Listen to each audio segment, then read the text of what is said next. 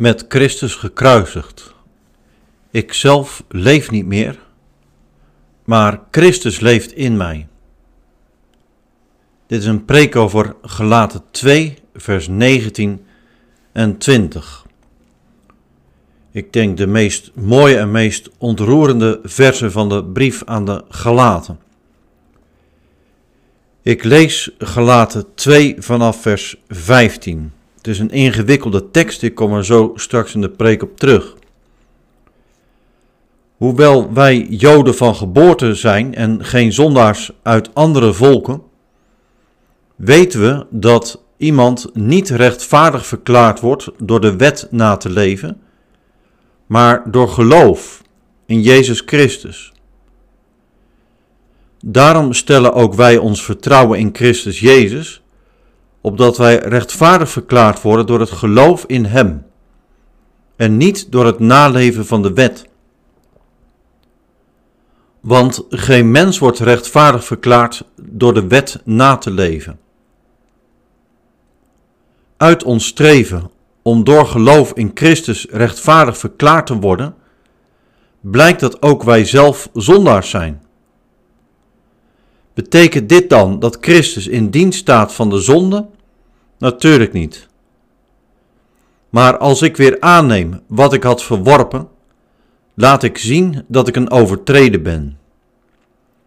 Want de wet werd mijn dood. Maar ik, dood voor de wet, leef voor God. Met Christus ben ik gekruisigd. Ik zelf leef niet meer, maar Christus leeft in mij. Mijn leven hier op aarde leef ik in het geloof in de Zoon van God, die mij heeft liefgehad en zich voor mij heeft prijsgegeven. Ik verwerp Gods genade niet. Als we door de wet rechtvaardig zouden kunnen worden, zou Christus voor niets gestorven zijn. Tot zover het woord van God. Gemeente van de Heer, beste luisteraar. Vandaag luisteren naar de meest ontroerende zin uit de brief aan de Gelaten. Je weet, Paulus is een fanatieke fariseer. Hij vertelt het in hoofdstuk 1. Wij zouden zeggen, hij hoort bij de harde kern van de supporters. Alles voor God en zijn heiligheid. Alles stipt volgens Gods wet. Daarom vervolgt Paulus de mensen die een gekruisigde Messias vereren. Jezus kan de Messias niet zijn, want de schrift zegt dat wie aan een paal hangt door God vervloekt is. Zie gelaten 3. Dus uitroeien die secte van de weg.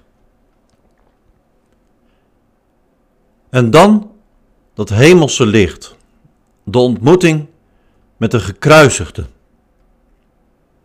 Jezus leeft. En hier in Gelaten 2 klinkt een liefdesverklaring richting die gekruisigde Messias, zo expliciet. Zo allesomvattend.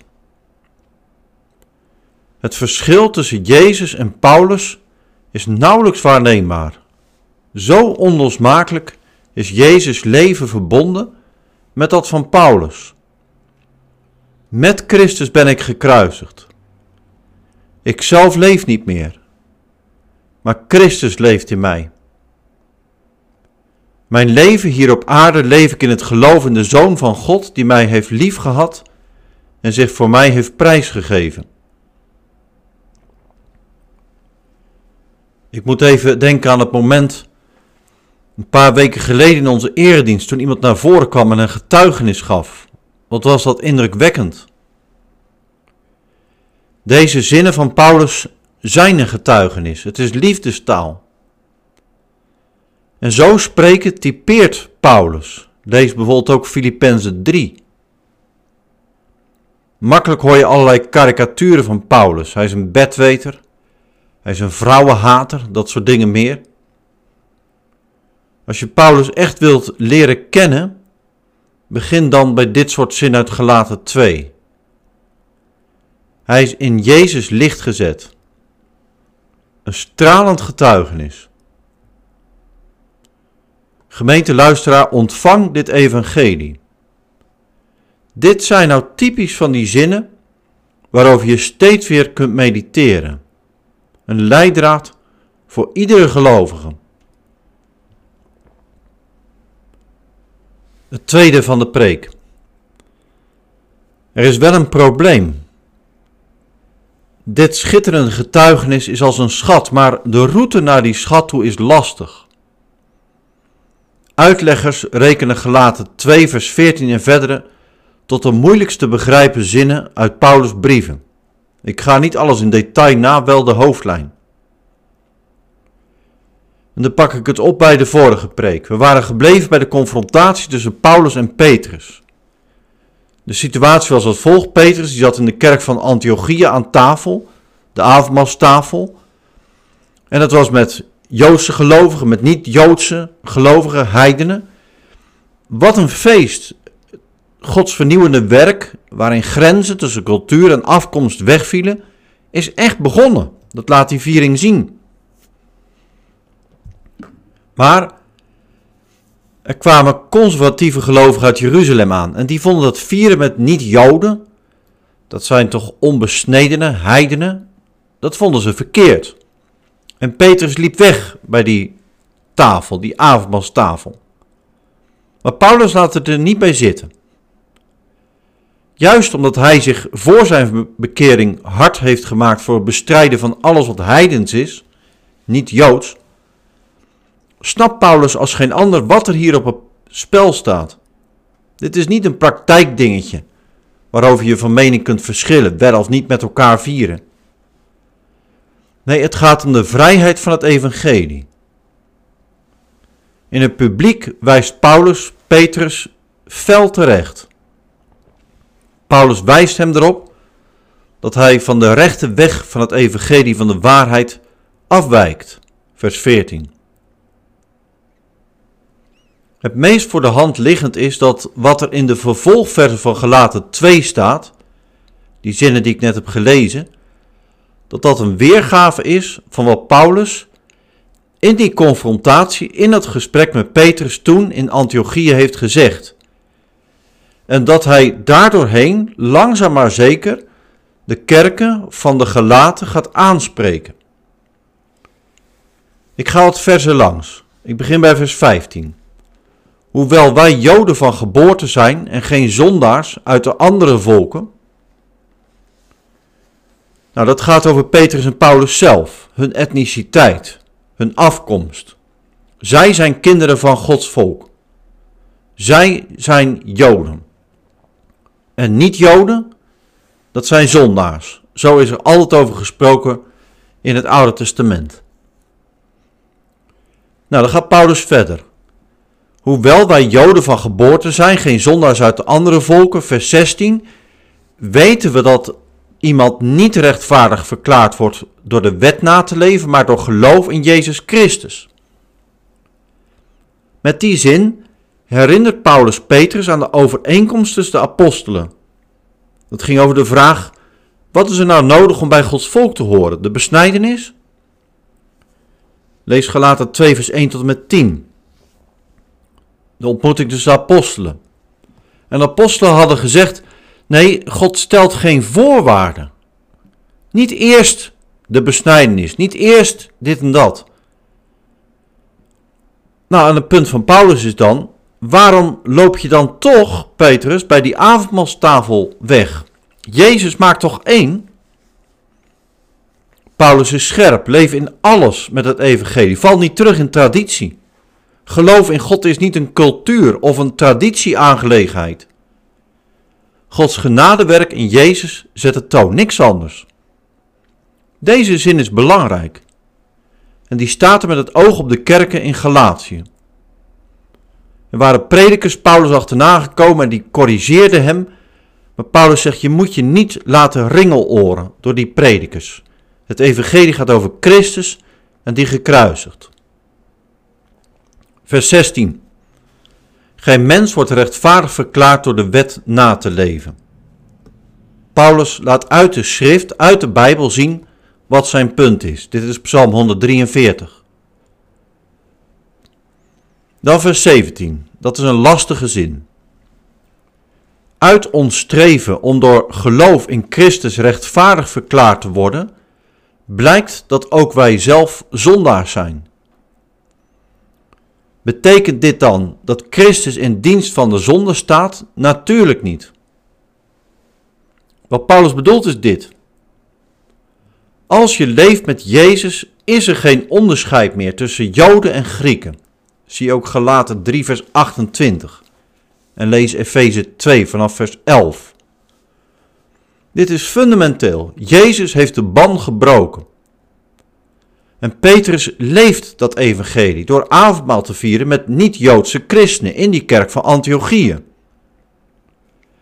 Nou, als deze viering nou zondig zou zijn, en dat was zo volgens die conservatieve gelovigen in Jeruzalem, dan zou dat betekenen, als je even heel strak doorredeneert wat Paulus doet, dat Jezus en leven met Jezus je tot zonde brengt. Wij blijken zondaars te zijn, zegt Paulus. Nou, doet Jezus dat? Brengt hij je tot zonde? Nou, iedere christen zegt nee, natuurlijk niet. Nou, zegt Paulus dan, dan kun je het niet maken om onder druk van wie dan ook maar weg te lopen bij heiden christenen. Want Jezus roept je aan de tafel. Bedenk even, dit argument moet echt zijn binnengekomen bij Petrus. Want Petrus was erbij toen Jezus leefde en toen hij rondtrok.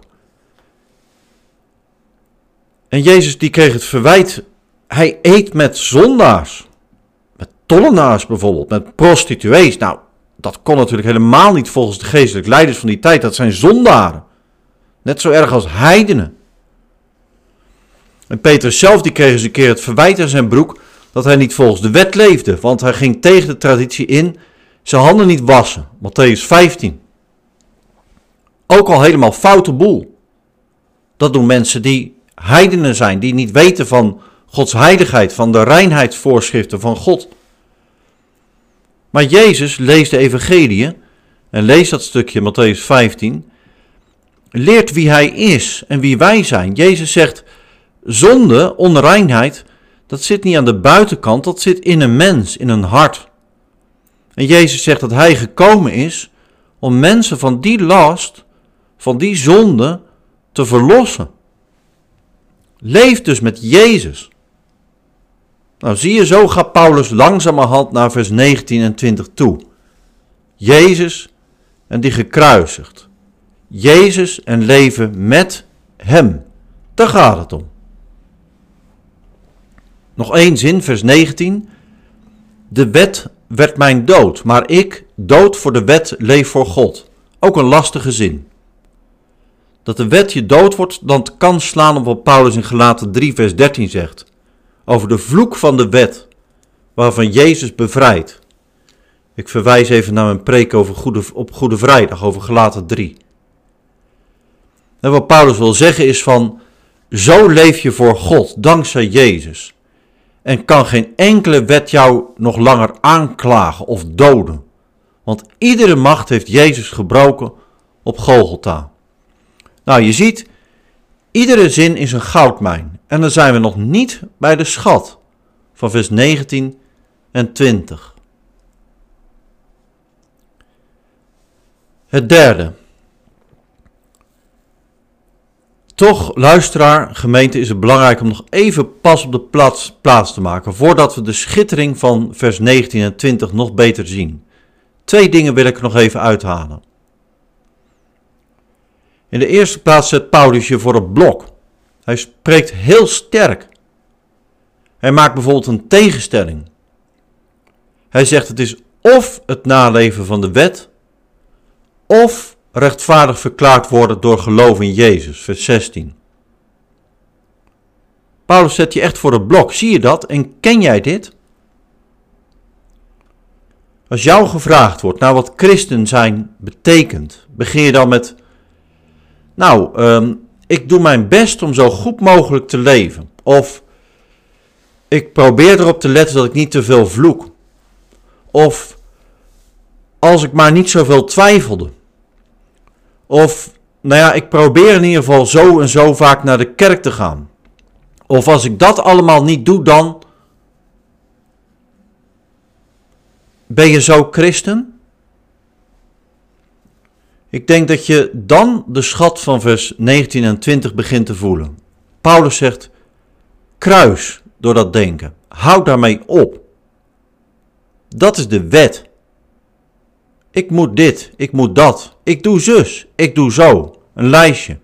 Vroom misschien, indrukwekkend wellicht, maar een lijstje dat, als je dat wilt naleven, jou net zo huigelachtig maakt als Petrus vrome gedrag, tussen hoge komma's vroom, in Antiochië. God heeft al die dingen doorkruist op Golgotha. Jezus en die gekruisigd. Sterker, ik ben met Christus gekruisigd. Ik leef niet meer. Hoor je hoe radicaal? Ik leef niet meer.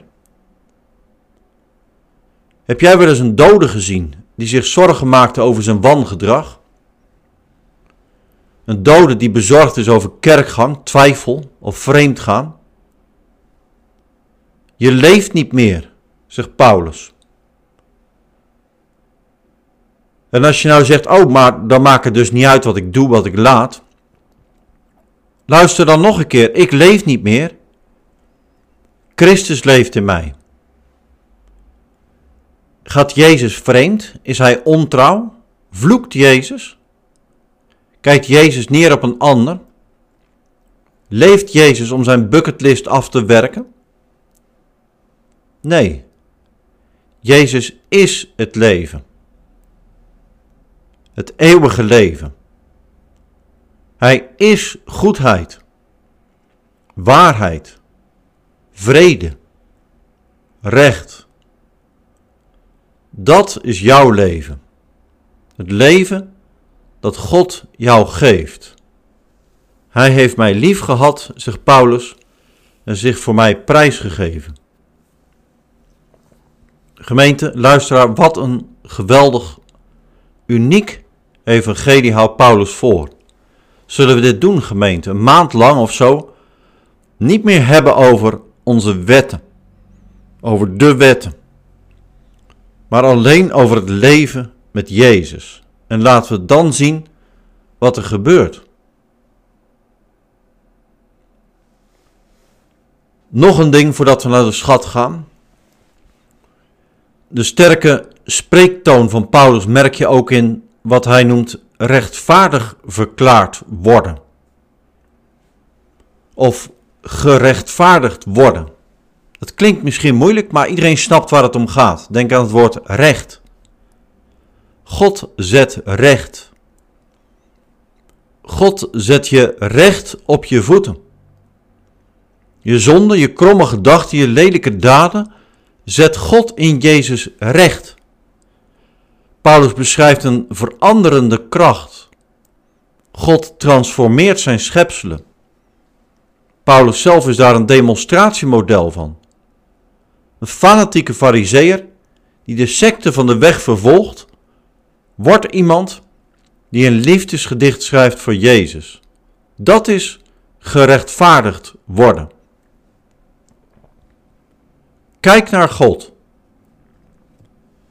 In Jezus dood en opstanding heeft God alles anders gemaakt. Een nieuw tijdperk is begonnen. Paulus zegt dat er een nieuwe werkelijkheid is begonnen, een kracht die niet te stuiten is. Ik ben met Christus gekruisigd. Ik zelf leef niet meer. Maar Christus leeft in mij. Mijn leven hier op aarde leef ik in het gelovende Zoon van God, die mij heeft liefgehad en zich voor mij heeft prijsgegeven. Geloof is de manier van leven die past bij die transformatie. Het is niet aannemen dat iets zus of zo zit. Het is Jezus in jezelf opmerken. Jezus in anderen zien. Zo werkt God. Ik denk nog weer even terug aan het getuigenis van een aantal weken geleden bij ons in de gemeente. Dat een jongvolwassene zegt: Ook met mijn twijfel hoor ik erbij. Het maakt voor God niet uit. Kijk, dan sta je recht voor God. En wat is dat mooi? Er is niet eerst voorwaarde dit of dat. Gemeente luisteraar, hoe is dit voor jou? Wat verandert God in jouw leven? Zullen we doen wat Paulus hier zegt? Bijvoorbeeld door een maand lang het alleen maar te hebben over wat God in jouw leven aan het doen is. En bij anderen. En laten we kijken wat er dan gebeurt. Tot slot, het vierde, de schat. We hebben de route gelopen, de versen bekeken, we zijn uitgekomen bij de schat, vers 19 en 20. En nu kun je zeggen, maar wacht even, Eigenlijk is het toch al over die versen gegaan. Je hebt gelijk. Wat je nog wel moet weten is het volgende. De kruisdood als een dood die zo vreselijk en vernederend was, dat je daarover niet sprak. Het is te walgelijk, te smerig. En nu hoor je Paulus niet alleen in extase over de gekruisigde spreken. Hij kon niet anders na zijn ontmoeting met de levende Jezus. Maar Paulus zet nog een stap, een sprong. Hij spreekt over zichzelf als een gekruisigde. Omwille van hem die hem heeft liefgehad en zich voor hem heeft prijsgegeven. Alles wordt anders. Golgotha is Gods transformerende kracht omdat gelaten 2 vers 19 en 20 zo uitzonderlijk mooi zijn, wil ik er nu verder mijn mond over houden. Ik wil je uitnodigen om als slot van deze preek deze zinnen tweemaal hardop uit te spreken. Te beginnen met een stilte en een stilte ertussendoor, om het te laten dalen.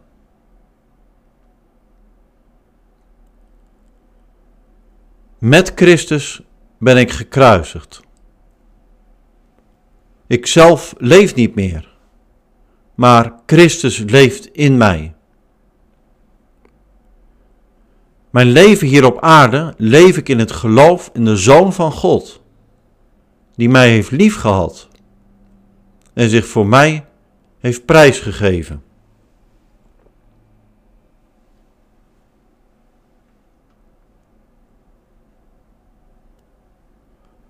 Met Christus ben ik gekruisigd. Ik zelf leef niet meer, maar Christus leeft in mij. Mijn leven hier op aarde leef ik in het geloof in de Zoon van God, die mij heeft liefgehad en zich voor mij heeft prijsgegeven. Amen.